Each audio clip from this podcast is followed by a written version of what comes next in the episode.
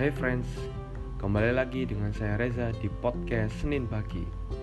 Pada episode kali ini, aku mau cerita tentang kampusku UPN Veteran Jawa Timur. Kalian pada tahu nggak sih UPN itu ada di mana? Oke, buat kalian yang belum tahu, UPN itu ada di Jalan Rungkut Madia, nomor 1 Kota Surabaya. Kampusku ini cukup indah dan sejuk.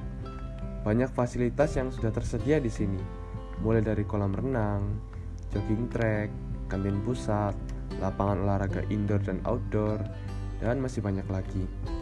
Tapi dari semua itu, aku punya tempat favorit, yaitu tongkrongan sebelah kantin Visip 2. Atau biasa aku dan teman-teman menyebutnya DPR, singkatan dari di bawah pohon rindang.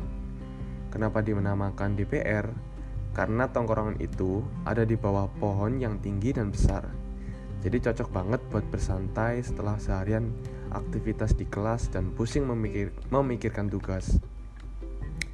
Di situ banyak hal yang aku lakuin, mulai dari ngobrol dengan teman-teman, bercanda, curhat, bersantai sambil menikmati secangkir kopi, mengerjakan tugas. Ya, pastinya masih banyak lagi yang aku lakuin di situ dan cocok banget buat bersantai ketika di kampus.